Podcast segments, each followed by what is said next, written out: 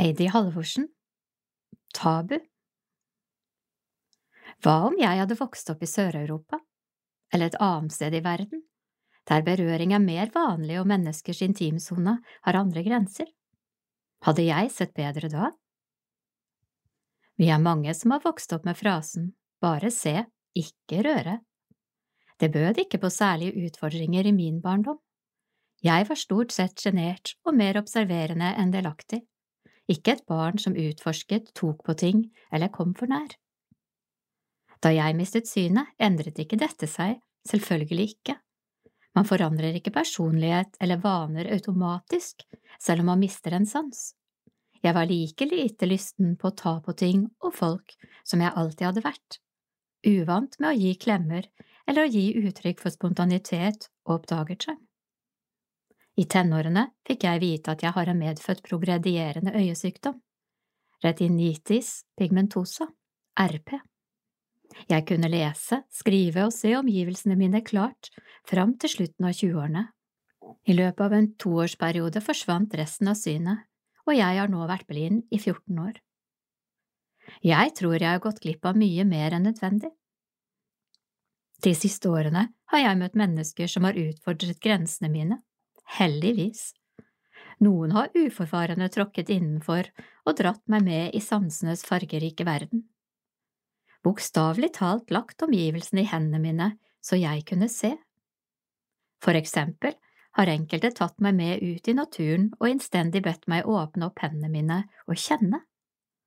Noen har til og med ført hånden min over silkemykt treverk eller et ruglete maleri. En gang ledet en ivrig museumsguide meg bort til alle tingene i museet som var merket med berøring forbudt. Fingrene mine fikk kjenne delikate utskjæringer, skjøre vaser av gammel porselen og detaljrike lysekroner i krystall. Innerst inne har jeg syntes dette var flaut, helt til jeg en dag våget å gjøre det på egen hånd, i en hage. Det var som å få se farger og lys igjen. Etter denne episoden har fingrene mine og jeg lengtet etter å se mer, utforske mer, betrakte.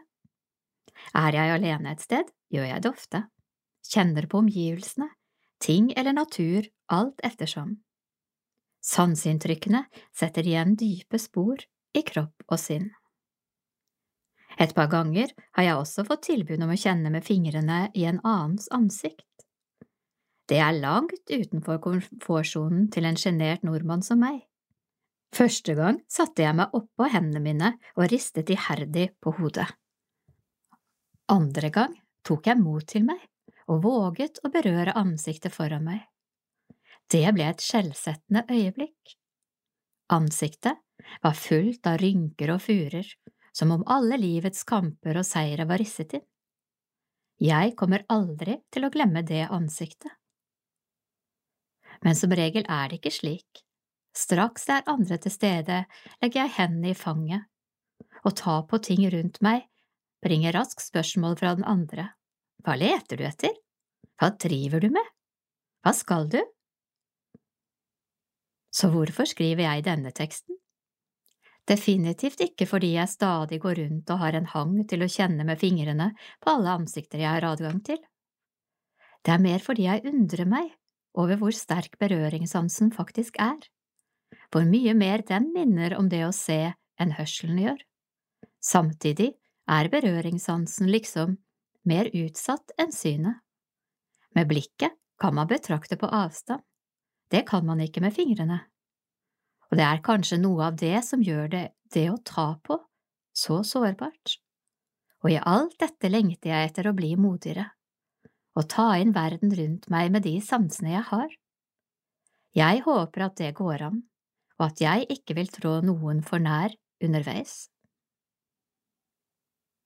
Kan jeg få se deg? Hva driver du med? Hva skal du ha? Hva leter du etter? Spørsmålene kommer som piler.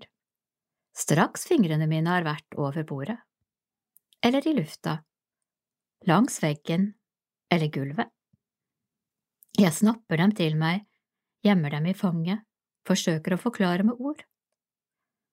Men hva om jeg bare vil se meg om? Ord kan jeg ikke se, det kan hendene mine.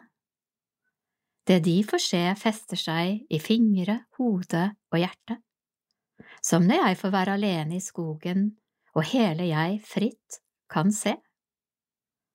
Ingen blir ille berørt da.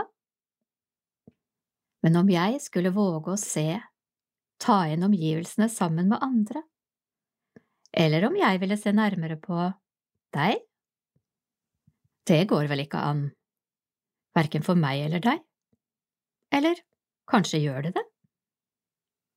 For av og til har jeg sett deg, det vil si, hendene dine som berører mine. Hender i varme håndtrykk, hender som viser meg noe. Det er øyeblikk av dyrebart fellesskap. Jeg ønsker meg flere slike øyeblikk, der jeg kan få se også deg.